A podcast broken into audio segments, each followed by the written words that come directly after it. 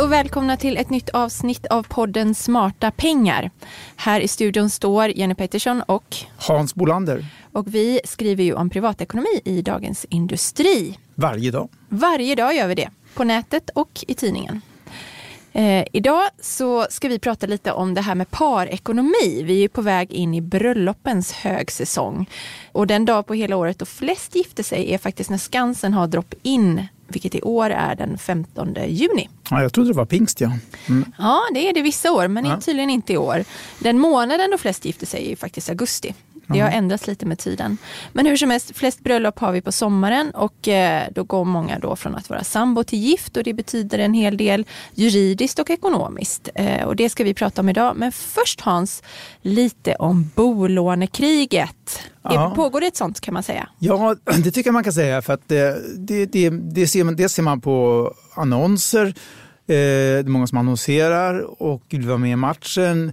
Och SBAB gick ut nyligen och sa så här, ja, oj stopp, nu kan vi inte ta emot mer bolåneansökningar, vi har blivit överhopade med ansökningar. Det kan man tolka på två sätt. Antingen stämmer det som de säger eller så är det så att de gick ut med lite för bra erbjudanden som kanske, oh, det här tjänar vi inte så mycket pengar på, vi måste nog bromsa ett tag. Samtidigt vet jag av egen erfarenhet och även hört med, med vänner som har att byta bolån är en seg process. Det kan liksom ta flera månader dessvärre. Det verkar inte som tekniken liksom har, har hunnit ikapp där. Eh, och, Bankerna brukar gärna säga att det ska gå på ett par dagar, att det ska ja, vara så enkelt. men i själva verket är det kanske inte nej, så. Det, det, tar tid för det, det är mycket manuellt arbete med bolån fortfarande. Plus tror jag också en faktor att idag måste alla vara certifierade bolånerådgivare. Och det är ganska nytt och jag tror att det är, bankerna har tagit sig lite på sängen av detta och har inte kanske inte tillräckligt med personal som kan pyssla med det här när, det, när efterfrågan blir hög. Så därför tar det lite tid. När man byter eh, bolånebank så byter man ju också resten av sina affärer med banken så att säga.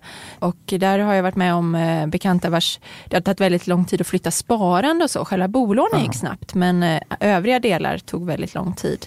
Och var upprinnelse till mycket frustration vet jag. Ja, ja men exakt.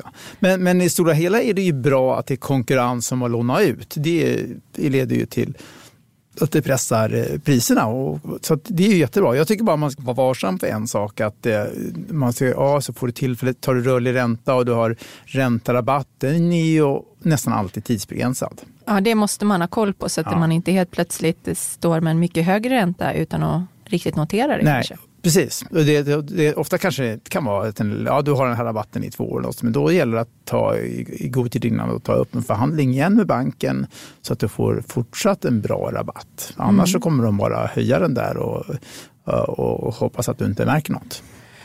Det var ju, eh, ja du pratade om SBAB här, Skandia har ju också sett eh, ett stort tryck här ja. under de senaste månaderna.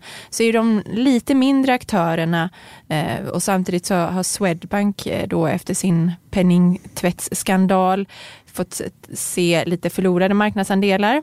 Eh, under första delen av året. Vi får se om det håller i sig eller vad storbankerna då, Nordea var ju förra årets stora förlorare på ja, bolånemarknaden. Då hade ju de Panama Papers och så här lite var... Ja, och ett ganska ett betydligt sämre erbjudande tror jag framförallt på bolån. Det har var de ju också. själva sagt att de har skruvat på det och därefter sett att det har vänt lite. Men det blir spännande att se hur, hur det utvecklar sig för storbankerna i år när det också kommer in så mycket nya aktörer. Även ja. om inte alla de riktigt har fått fäste på marknaden. Nej, men... Det är mycket snack och lite hockey från vissa håll håll. Ja, men det är det verkligen. För det är typ med enkla har ju varit och snackat jättelänge att de skulle låna upp billigt och låna ut pengar. De har fortfarande inte lånat ut pengar. Jag tror de har pratat i två års tid om det här.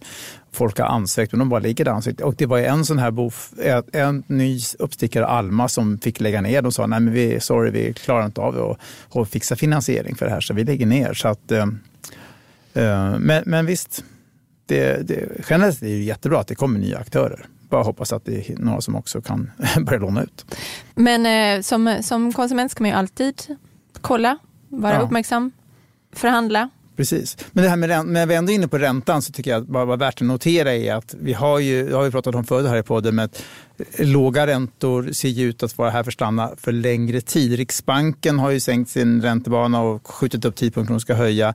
Många externa, eller många oberoende analytiker tror att tiden med låga räntor förblir längre. Och det verkar ha avspeglat sig också nu vad konsumenterna tror om bostadspriserna. Ja, det kommer en undersökning nu i, i veckan här som visar från SBAB som har frågat över tusen personer i alla fall och det var betydligt fler nu som tror på stigande bostadspriser. Och det är väldigt viktigt också vad, vad, man tror, för det är ju psykologi i den här marknaden. Om fler tror på stigande priser så... Då vågar man göra affärer. Ja, exakt. Mm. Så att, ja. Vi har också sett ett rekordutbud här under de senaste veckorna, men samtidigt mycket affärer också. Så ja, att, man, man, man är nog vill stänga affärerna före mm. semestern. Ja, precis. Dagens andra ämne Ja, det är, du har forskat mycket i det här med, med parekonomi och gemensam ekonomi och vad som skiljer sig åt och fällor och fördelar. Ja, Idag kan man väl säga att de, det är väl ganska ovanligt att man gifter sig utan att ha bott ihop tidigare. Så att man eh, har ju varit sambo och man kanske redan har barn. Men det finns ju saker som förändras då. Sambor kan faktiskt i princip leva på helt olika ekonomiska nivåer. Det är upp till en själv hur man vill göra det där. Men i ett äktenskap så har man ju faktiskt underhållsskyldighet gentemot varandra. Ja, det är värt att påminna om. Ja. Enligt äktenskapsbalken ska man leva på samma ekonomiska nivå ja. som gifta. Men något annat hade ju varit lite konstigt också. Det, känns som en konstig relation faktiskt. Man hade ju funderat lite på varför man vill gifta sig med ja. någon som inte inte tycker att man ska ha det eh, lika bra som den andra. Men i alla fall, gifta par äger ju alla sina tillgångar till gemensamt. Och vid en skilsmässa så ska ju de då delas på hälften eh, oavsett när de införskaffades och av vem. Ja. Eh, även det som då fanns innan eh, giftermålet så att säga det som är viktigt att komma ihåg är är ju värdet av tillgångarna det handlar om, inte tillgångarna i sig. Ja, alltså du, du, du, kan få behålla din, du kanske får behålla din bil eller dina smycken eh, eller vad det kan vara, men, det, men värdet av dem ska ju ja. tas upp i eh, EU. Eh, liksom en del av de gemensamma tillgångarna. Alltså få behålla menar jag då om det skulle leda till en skilsmässa. Ja, ja exakt. Men visst, det, det är ju ingenting som är skrivet i sten. Det går ju också att förändra det här. Ja, och det är då man ska fundera på om man behöver ett äktenskapsförord. Och det kan man ju skriva när man gifter sig men också när som helst under själva äktenskapet. Vi vet ju alla hur amerikanska miljardärer och sånt brukar göra. ja, skriva in eh, olika, ja, dels att man skriver det överhuvudtaget men också, jag tror att i USA kan man väl skriva in att vid otrohet ska min partner inte få en enda krona. Sånt funkar ju inte i Sverige. det, det kan man inte. Däremot så finns det faktiskt en jämkningstrappa eh, som Jaha. gäller om äktenskap varar i mindre än fem år. Och den kan man åberopa då om man är parten som sitter på mycket tillgångar. Om äktenskapet spricker efter bara ett år, ja, då ska bara 20 procent av tillgångarna ingå i bodelningen. Ja. Och för två år då blir det 40 procent och så, och så stiger det då. Och så sen efter fem år då ska allt ingå. Då, då är man inte betraktad som en gold digger längre. Nej precis, då har man stått ut i fem år. Så, då, så, så det är bra att tänka på. Men eh, ett äktenskapsförord är det faktiskt väldigt många som behöver. Aha. Eh, du kan eh, ha en eh, sommarstuga som du har ärvt, som har gått i familjen, som du kanske äger ihop med ett syskon. Det kanske du inte vill ska ingå i de gemensamma Nej, tillgångarna vid en, vid en, separation och sådär.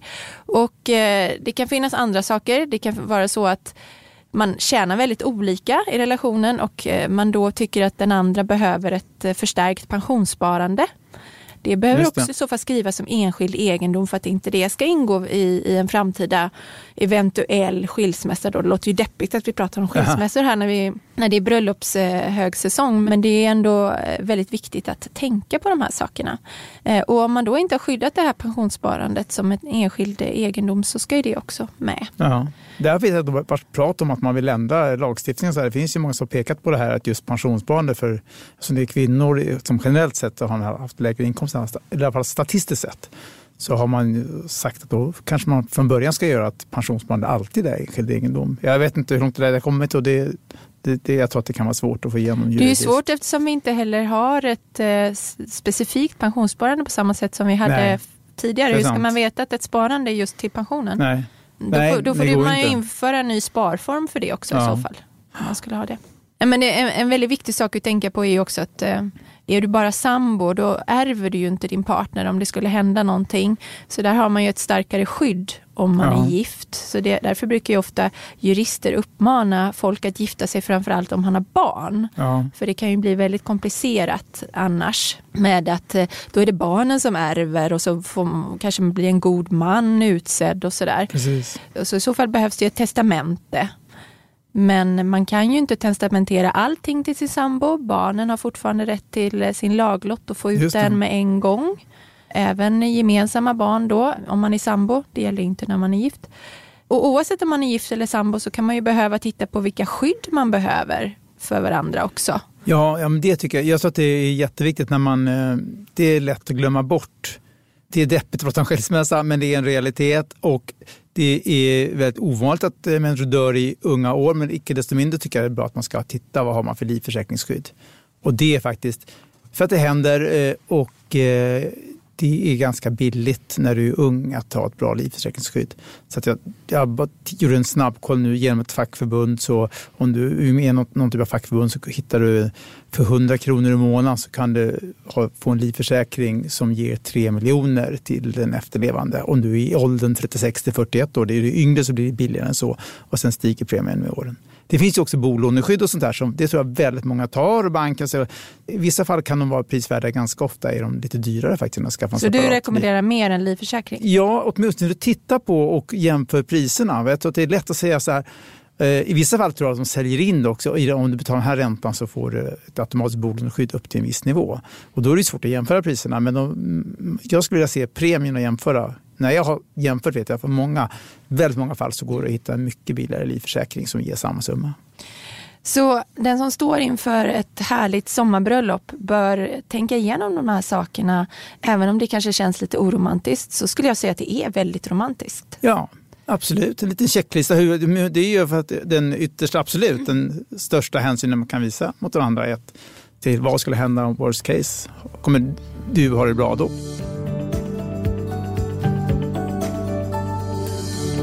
Det finns ju också olika sätt att som par organisera sin ekonomi. Och det man vet är att pengar är faktiskt det är ju en av de vanligaste orsakerna till bråk i en familj och det kan det kan ju i värsta fall förgifta en relation och, och, och, leda till eh, en separation om man inte löser det. Eh, och därför är det ju viktigt att prata mycket om pengar. Och man kan väl säga att det finns tre huvudsätt att eh, organisera sin ekonomi, eller vad säger du? Ja, ja men absolut. Och jag kan i alla fall tänka två enkla som jag har under åren hört talas om som använder själv eller så. Det ena är ju det klassiska, man delar 50-50 på utgifterna. Ganska vanligt när man är sambo, framförallt i början när man är sambo och så. Och det andra är ju som kanske man, inom äktenskapet då, att man alla utgifter kommer i en post och så får man se till att betala det, alla kostnader som hushållet har. Och oavsett vilken lön det kommer ifrån så spelar det ingen roll. Det finns de två. Eh, klassiska sambogrejen är väl också en så här kaffeburk i köket. Och man, ja, men nu lägger vi eh, tusen spänn var i den här. Inte här var före korten kom då. Ja, precis. Nu sätter man in dem på ett, eh, på ett konto istället. konto och, och, och skaffar två och kort ja, till det. Och, och det är omöjligt att säga vilket som är bäst. Jag tror att det är också fråga om tycke och smak. Absolut. Men du hade någon tredje ja, men också? Ja, men det här med 50-50 det passar ju ofta folk som har ungefär, tjänar ungefär lika mycket. Ja, ja. Och i det tycker jag att man utöver att titta på sina utgifter som man då delar 50-50 så är det också viktigt att väga in det här med ett sparande som man kanske också då ska bidra till 50-50 ja. och att man kommer överens om hur planerar vi för framtida utgifter? Hur ska semestern finansieras så, så att man, man har samma tänk kring ja, det där. Ja. Det kan ju också komma in frågor som okej, okay, presenter till eh, våra respektive familjer eller, eller vänner. Ska vi ta dem från någon slags gemensam pott eller vem ska ansvara för dem? Så att inte, inte bara titta på utgifts och kostnadssidan utan Nej. också kanske då starta ett gemensamt sparande. Men sen det som många kanske anser vara det mest rättvisa då eftersom det är ju ganska vanligt att man inte tjänar eh, precis lika mycket. Nej. Det är att man bidrar efter förmåga eller efter inkomst. Ja. Tjänar man eh, ja, tjänar man mer, man kanske har 60-40, en, en bidrar med 60 procent och en bidrar med 40 procent efter, efter hur de gemensamma eh, inkomsterna ser ut. Då, till alla utgifter och också då till det här mer kanske kortsiktiga sparandet och sådär. Men det finns lite fallgropar i det här också faktiskt. Och det är till exempel om, säg att en part tjänar mindre därför att för att den tar större ansvar för eh, barn och kanske familj. Jobbar deltid kanske jobbar deltid. Ja. Då har man ju en mindre eller en lägre inkomst ja. här och nu och ska då bidra med en mindre summa till de gemensamma utgifterna. Men det innebär ju också eh, mindre pensionsavsättningar. Ja. Det är ju någonting som kommer mycket senare i livet men där kan man ju utöver att man delar, på, ja. delar olika då på, på utgifterna här och nu kan man behöva ett pensionssparande till den personen som då är, eh, ja, är man bara sambo behöver man inte skriva det som enskild egendom, men det vi pratade förut, är man gift så behöver man ju det eh, i så fall. Sen kan det finnas andra aspekter man vill väga in i det här. Säg att den ena har en familj som har det ganska gott ställt, föräldrar som kanske kan bidra till ett framtida bostadsköp ja, ja. eller sådär. Medan den andra måste spara ihop varenda krona på egen hand. Det kan ju också påverka hur man ser på fördelningen här och nu. Det behöver absolut inte göra det, men det är ändå så frågor jag tycker att man bör ta upp. Ja, men verkligen det som säger, det viktigaste är att man pratar om det. De, om man tittar på, så här, vi tittar på Lyxfällan på tv eller så, så det, det klassiska är ju liksom alltså, en part är väldigt slösaktig medan den andra inte är det. Och då, det, blir ju, det, det, håller ju inte i längden om det är extrema skillnader. Men det kan ju också vara ganska små skillnader. Till exempel så här, klassiska könsskillnader. Mannen lägger gärna eh, pengar på eh, bil, motorfordon, golfresor och kvinnan lägger på andra saker. Eller, men det kan ju också vara precis eh, tvärtom. Det är någon som gör av med jättelite pengar och andra. Så att det, jag tror att det överhuvudtaget sätta sig ner och prata om det och kanske göra det här lite tråkiga en gång, en budget, gå igenom. För att oftast, jag tror inte man, man blir lite blind för egna misstag också, så att man tar en hel månad och skriver ner varenda sak, titta på korten, varenda utgift och kolla och ta med då också för eh, försäkringar på bilar och alla sådana saker. Så ser man vart pengarna går och då kanske därifrån har en lite mer objektiv diskussion. Mm. För där kan ju finnas en risk med det här eh, andra alternativet som du pratar om, att man allting i stort sett hamnar i en gemensam pott och därifrån så betalar man alla utgifter och sen så, ja, det som finns kvar finns kvar och det förfogar man över gemensamt. Det funkar väl eh, kanske bäst för par som har levt ihop väldigt länge Ja. Som har en... Eh, hyggligt gemensam syn kanske? Hygglig gemensam syn på ekonomi, ja precis. För, för problemet med det kan ju vara att den som tjänar mindre kanske även om man då potten ska vara gemensam så kanske den drar sig för att använda pengar. Ja, ja. Därför man känner att det är ju ändå inte mina pengar. Medan den andra kan göra tvärtom då tycker, och spendera mm. jättemycket och någonstans känna att det är faktiskt jag som drar in de här pengarna. Så det bygger ju på en stor tillit men också då kanske man ska skruva på det och så säga okej, okay, vi lägger allt i en pott. Sen så betalar vi allting och den det som finns kvar, det delar vi på 50-50. Mm, mm. Så behöver det inte heller bli någon diskussion om vad man, vad den andra gör för pengarna. Nej, jag tror det är sånt tror jag är bra att undvika. Och jag, och jag har också samtidigt väldigt svårt för det här extremt kamerala i ett i ett li, vardagligt liv, hålla på med kvitton och gå igenom och tjafsa om någon har gjort av med 100 eller 500 spänn här. Det, känns också, det måste ju bygga på någon sorts förtroende emellan.